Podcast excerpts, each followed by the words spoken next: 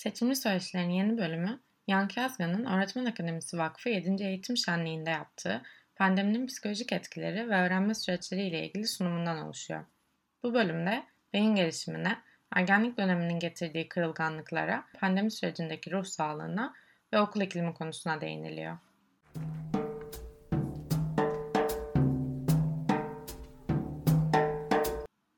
Bu pandemi döneminin e, pandemi dönemi diye tanımladığımız e, ama pandemiyle sınırlı olmayan birçok etkiyle karşı karşıya kaldığımız bu zamanın e, hem öğrenciler hem öğretmenler ve ve anne babalar ve toplum üzerine etkileri hakkında birkaç hem bilimsel araştırma verilerini paylaşmak hem de bunun yaşamımızı nasıl etkileyebileceği ya da etkili olduğu hakkında biraz konuşmak istiyorum.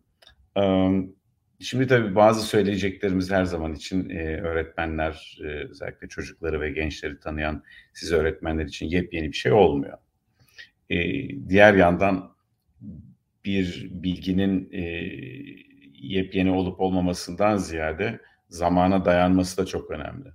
Bundan zamana dayanması şu demek, zamanlar ötesi geçerliliği olan bilgiler bize genellikle kılavuzluk ediyor. Ee, örneğin bu çerçevede baktığımızda belki e, ilk 5-10 dakikayı e, zihnimizin nasıl işlediğine ilişkin özellikle e, ergenliğe geçiş dönemini e, bugün önemseyerek konuşacağım. E, bununla ilgili belki beyin gelişim prensiplerini hatırlamak lazım. Ama ondan önce şunu not düşeyim. E, konuşmanın ee, belki sonunda söylenecek bir şeyi baştan da söyleyeyim. E, ruh sağlığımız nasıl derseniz e, ülkemizde ve dünyada çocukların ve gençlerin ve yetişkinlerin ruh sağlığı bir krizde.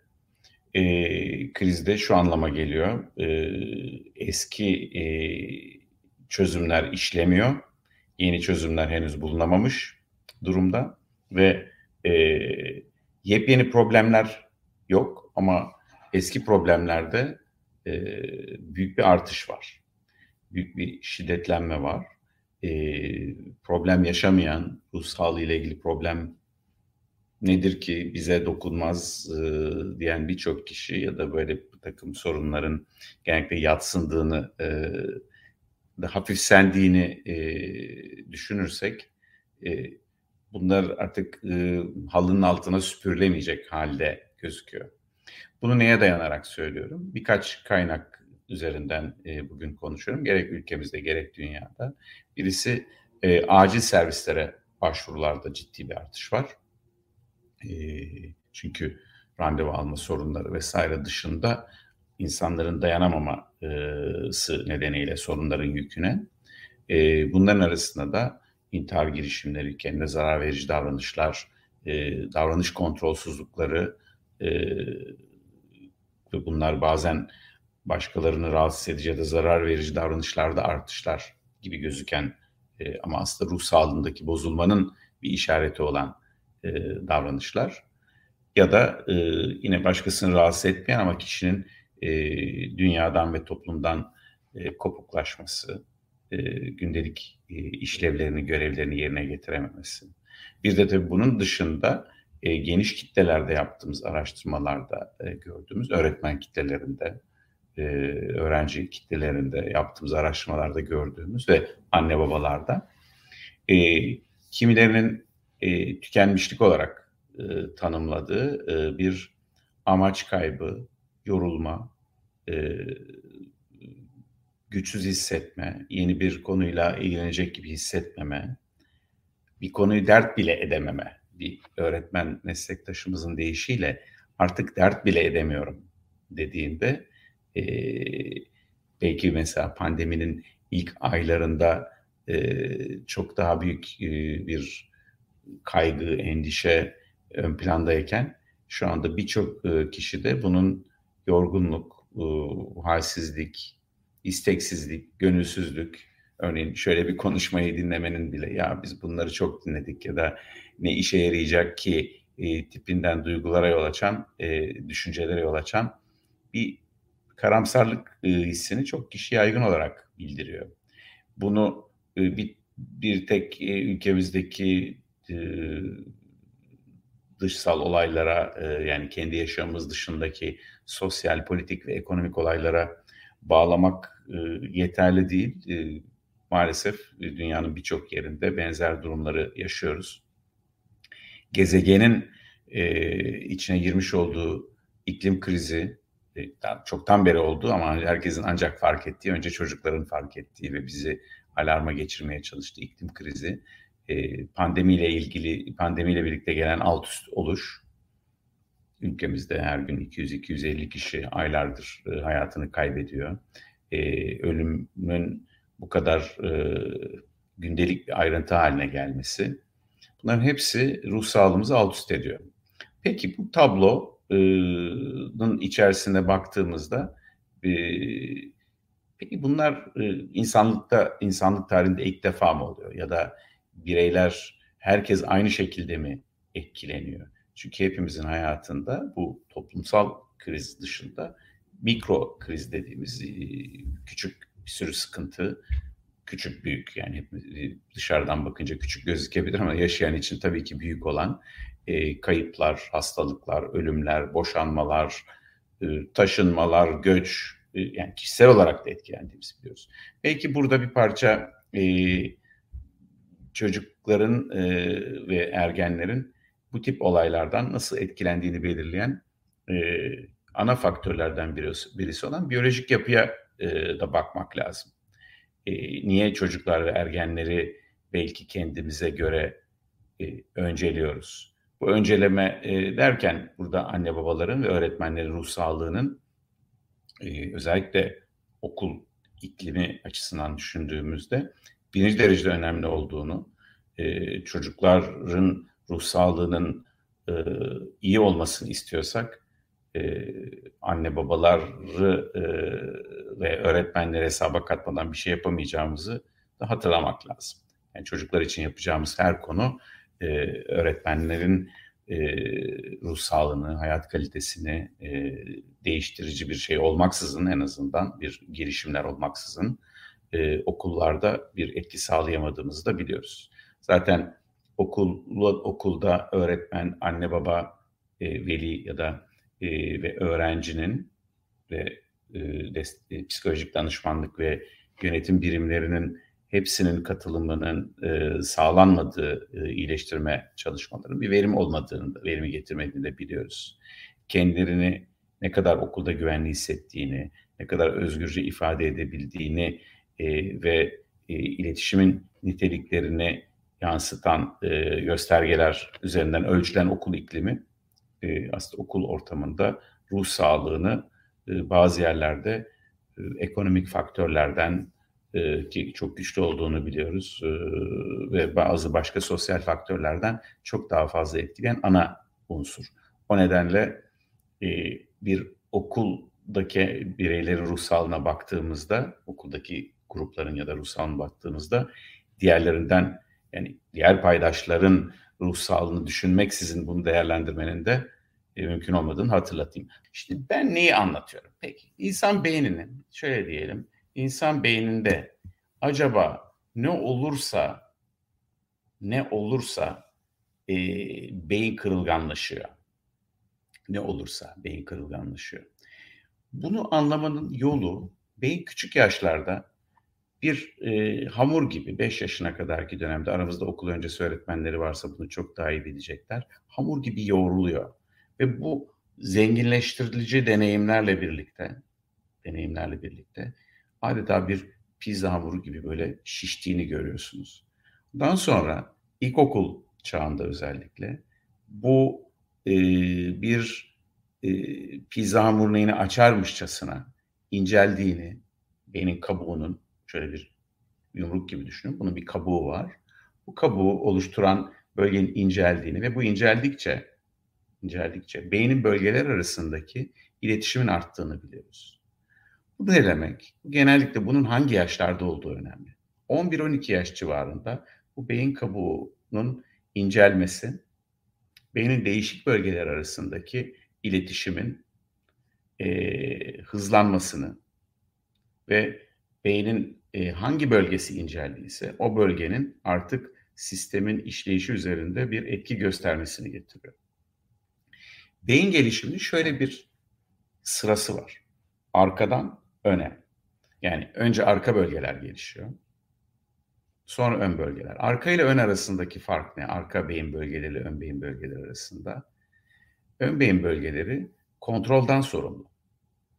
Arka ve iç bölgeler ise daha çok dürtüler, duygular, e, birçok konuda e, farklı e, sistemlerin birbiriyle işleyişini getiriyor. Örneğin duyguların farkındalığını, duyguların farkındalığını e, hepimiz 10-11 yaşlarında özellikle çocuklarda ne kadar gürültülü bir şekilde olduğunu biliyoruz. Özellikle 11 ile 14 yaş arasındaki dönemde beynin duygu ve dürtü bölümleri çok güçlenirken bunu bir tür arabanın, otomobilin gaz pedalı ya da motoru diye düşünebilirsiniz. Güçlenirken ön bölgede kalan e, yani kontrol sisteminin hala gelişmesini sürdürdüğünü görüyoruz. Özellikle ortaokul çağı diye bilinen yaşlardaki e, çocukların e, davranışlarındaki aşırılıkları bir parça bu beyin gelişimindeki bu eşitsizlik diyelim doğal olan e, kendi içindeki eşitsizlik. Tabii bireyler arasındaki eşitsizliğe birazdan değineceğim. Gelişmenin bir grup çocukta bunların bir kısmı örneğin ilkokul çağında dikkat eksikliği, hiperaktivite bozukluğu belirtileriyle karşımıza çıkan çocuklar.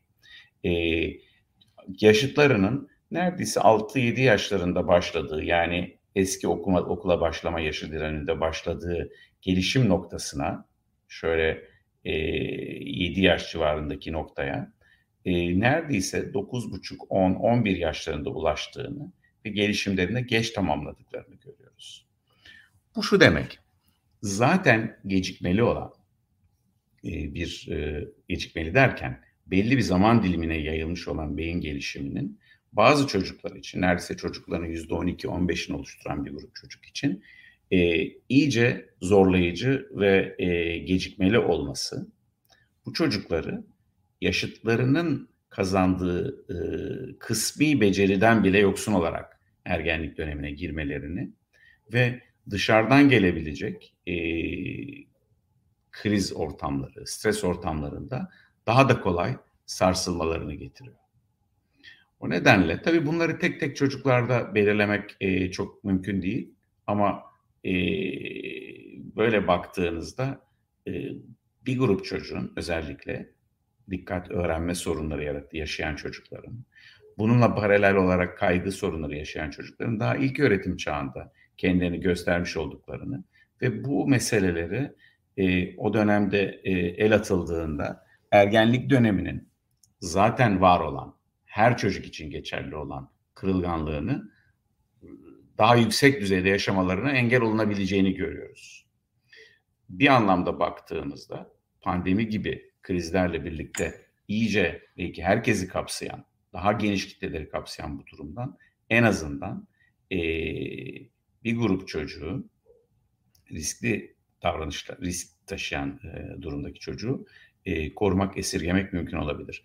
Biraz önce beyin gelişiminin e, ergenliğin ilk yarısında tamamlanmaktan çok uzak ve kontrol edilmesi gereken şeylerin çok, kontrol kapasitesinin az olduğunu gördük.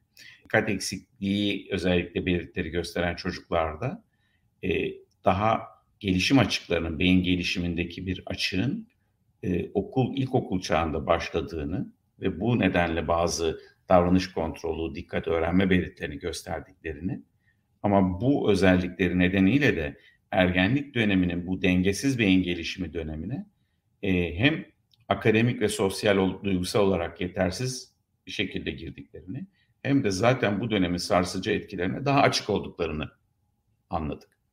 Özellikle depresyon geçirme olasılığının e, yansıtan e, evrensel geçerliliği olan bir bulgu, çok e, değerli bir bulgu. Burada dikkat etmemiz gereken e, özellikle e, kadın cinsinden olan e, çocuklarda, e, öğrencilerde, kız öğrencilerde e, ergenlik dönemiyle birlikte bu riskin erkek çocuklara göre çok daha fazla arttığı e, gördüğünüz gibi yüzde altılara kadar çıkıyor. Özellikle 12, 14, 16, 18.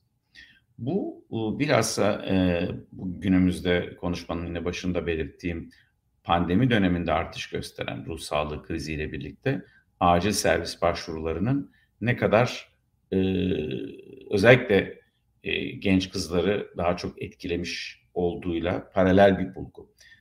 Pandemi öncesindeki bir bulgudan bahsediyoruz. Bütün bulduklarımız buradaki veriler pandemi öncesindeki beyin gelişimi, insan gelişimi ile ilgili veriler ve pandemi bütün bunların üzerine bir büyüteç ama dev bir büyüteç gibi geldi ve e, bütün bu meseleler katlanarak başka zamanlarda belki ortaya bu denli çıkmayacak olan meseleleri e, bir e, fotoğrafın büyümesi, zoom yapması gibi e, karşımıza çıkardı. Bunu okullarda öğretmenlerimizin fark ettiğini, e, yine sizlerin e, gözlemlerinizden, e, ruh sağlığı kliniklerine, çocuk psikiyatrisi, çocuk ergen psikiyatrisi kliniklerine başvurulardan bunu görmekteyiz. Peki bütün bunlar öğrenmeyi nasıl etkileyecek e, diye düşündüğümüzde, valla bunu en iyi siz bilirsiniz diyebilirim ama e, şu bariz ki e, zihnimizin en kritik özelliklerinden birisi en iyi bir seferde bir iş yapıyor olması. Hani her ne kadar günümüz gençleri bir anda aynı anda ya da bizler işte belki şu anda beni izlerken belki bir Instagram'a bakıyorsunuz. Belki içeride e, ki tenceredeki yemeğin sesinde kulağınız veya kapıyı birisi çaldı e, ne acaba diye kalktınız yerinize oturdunuz. Bütün bunlar nasıl dikkatimizi e, konsantrasyonumuzu bozuyorsa zihnimizin içinde olan, aklımızda olan konular da bizim dikkatimizi bozuyor. Ve e, nitekim e, özellikle ruhsal duygusal durumdaki değişiklikler başta içinde olduğumuz dönemdeki kaygı, korku, stres e, yani bir ruhsal durumdaki zorlanma diyelim. Bozulmanın bir öncesindeki aşama bu kadar yoğunken ne öğrenmek ne öğretmek e, çok kolay e, olmuyor. Öğretmenlerimizle ilgili e, birkaç veriye değinirsek. Burada e, sanırım hepimizin gördüğü e, özellikle e, öğretmenlerimizin ruh haliyle ilgili e, dersek yani bir e, baktığımızda buradaki e, verilere e, bir e, okula dönüş döneminde Eylül döneminde yaptığımız e, belirtilerde öğretmenlerin özellikle tabii biz olumlu duyguları vesaire de sorduk sırf sırf olumsuzluğu sormadık ama kaygı ve belirsizliğin okula dönüş döneminde ve bu kaygı ve belirsizliğin e, neredeyse yüzde 60 kişiyi etkilediğini, olumsuz bir duygu içinde olmayanların yüzde 20 içinde olduğunu, yani daha başlangıçta nasıl olacağı ile ilgili zorluklar olduğunu hatırlıyoruz. Bu duygular nasıl değişti? E, sizlerin e, de mutlaka izlenimleriniz vardır. E, nasıl ele alındığına bağlı. Bazı ortamlarda büyük, yani e, eğitim sistemi içerisinde büyük çabalar var. Tabii bunların e, hafiflemesi anlamında.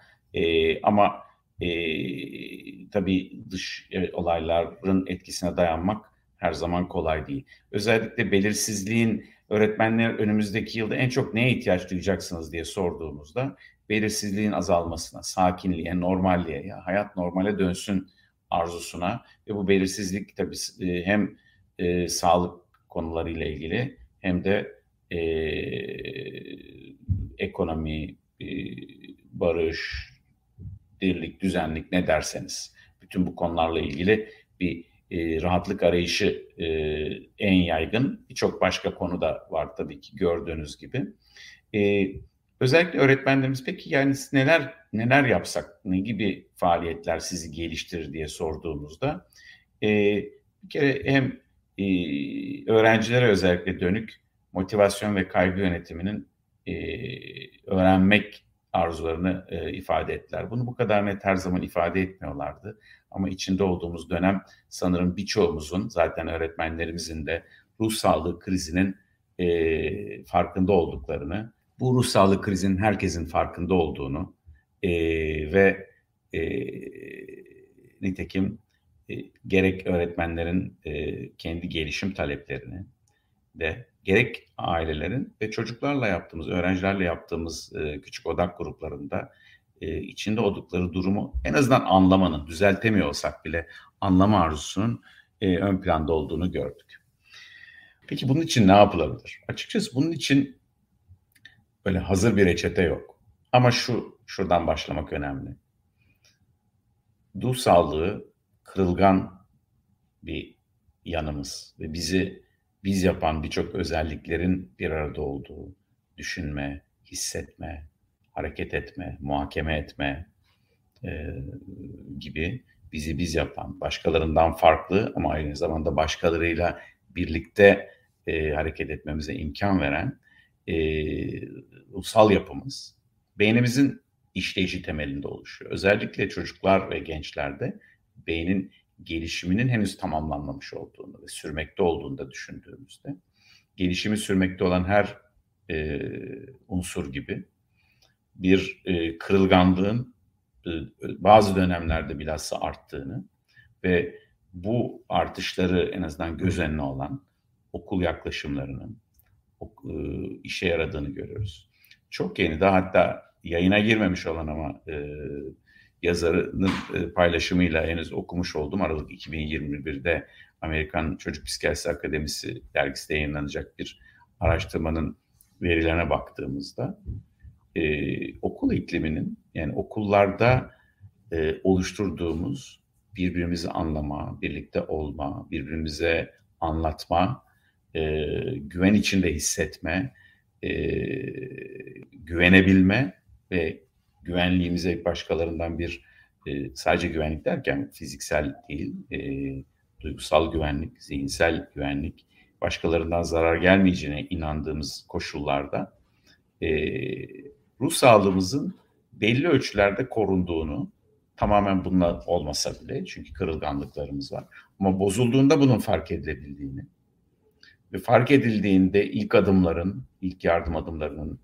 e, atılabildiğini görüyoruz. E, özellikle ergenlikle ilgili kırılganlıkların ilkokul çağında kendini öğrenme ve davranış sorunları şeklinde birçok durumda gösterdiğini e, ve e, özellikle de e, erkek öğrencilerde daha çok bunun dışa yönelik davranışlarla kendini göstermekle birlikte kız çocuk öğrencilerinde, kız öğrencilerde e, özellikle pasiflik, kopukluk, öğrenmekte zorluk şeklinde ortaya çıkan, e, kaygı şeklinde ortaya çıkan meselelerin de ciddiye alınması gerektiğini e, burada hatırlatarak okul iklimi ve sosyal duygusal gelişim sadece işte e, bir takım psikolojik konulardan ibaret olmayan okulun fiziksel, sosyal, duygusal güvenliği ve özellikle de akademik çıktılar açısından çok kritik olan. Çünkü herkesin diyoruz ki mesela sınıf öğretmeni olmayan birçok öğretmenimiz e, bu konuyu kendi alanıyla çok ilgili olarak görmeyebiliyor.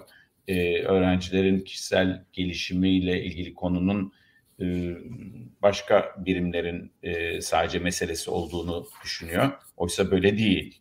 E, bir o perspektifle baktığımızda ve öğrencilerin 20 yıl 30 yıl sonra öğretmenlerini hatırladıklarında fizik ya da edebiyat dersini nasıl öğrettiklerinden değil, kendilerine nasıl yaklaştıklarından, kendilerine iyi davranıp davranmadıklarından buna göre öğretmenlerini skorluyorlar ve hatırlıyorlar. E, bunu ve e, öğretmenlerin insan yaşamında e, en çok etki bırakan e, birkaç kişiden birisi olduğunu düşünürsek öğretmenlerimizin belki e, kendilerini geliştirici etkisi olabilecek bu çalışmalara e, daha fazla ilgi göstermelerini beklediğimizi söyleyebilirim. E, sunulan çünkü olanaklar var, hiçbir şey yok değil e, ve bunlar da artacak. Böylece e, el birliğiyle birçok konuda bir dayanma sınırı oluşturacağız. Şimdi dayanıklılığı arttırmak bir yol. İkincisi de e, bu e, dayanma sınırının zorlamamak da önemli. E, yani şimdi yükü kaldırabilecek gücü artırıyoruz. İşte okul iklimi çalışması yapalım, sosyal duygusal öğrenmeyi geliştirelim ve öğretmenlerimizin en az yarısı şu anda bu konuda çok ciddi ilgi gösterdiklerini de biliyoruz bu arada. Hani ilgilerin artmasını bekliyoruz derken daha yaygın bir kitlenin ilgisini daha da sağlamak amaçlıyoruz. E, bilgi, ilgi ve bilgisini. E, ama e, sadece e, bizim becerilerimizin artmasıyla değil. Örneğin öğren, öğrencilerin ders yükünün ya da öğretmenlerin yetiştirmesi gereken ders yükünün radikal bir şekilde azaltılması Yani ben öğretmen değilim, tıp fakültesi hocasıyım. Yani bizde de aslında aynı kurallar iyi kötü geçerli oluyor ama hele daha küçük yaşlarda e, ki bir eğitim sistemi düzeni içerisinde bir yetiştirme gayretinden vazgeçmenin ben çok önemli etkisi olduğunu görüyorum. O nedenle hani bir tane iş yapılacaksa dedim ki ya şu müfredat yükünü, müfredat adı altında bir koşturmacaya bir çözüm bulunamaz mı? Dışarıdan bakan birisi olarak söylüyorum. E, mutlaka işin içinden olanlar belki bana söz önerime e, bıyık altından gülüyor olabilirler. Ama şu bir gerçek. Taşıdığınız yükü azaltmadan yük taşıma kapasitesini arttıramazsınız. O nedenle taşınan yükün nasıl azaltılacağı konusunun e, stresle başa çıkmakta en önemli araçlardan biri olduğunu belki vurgulamak mesajı sadeleştirici olabilir.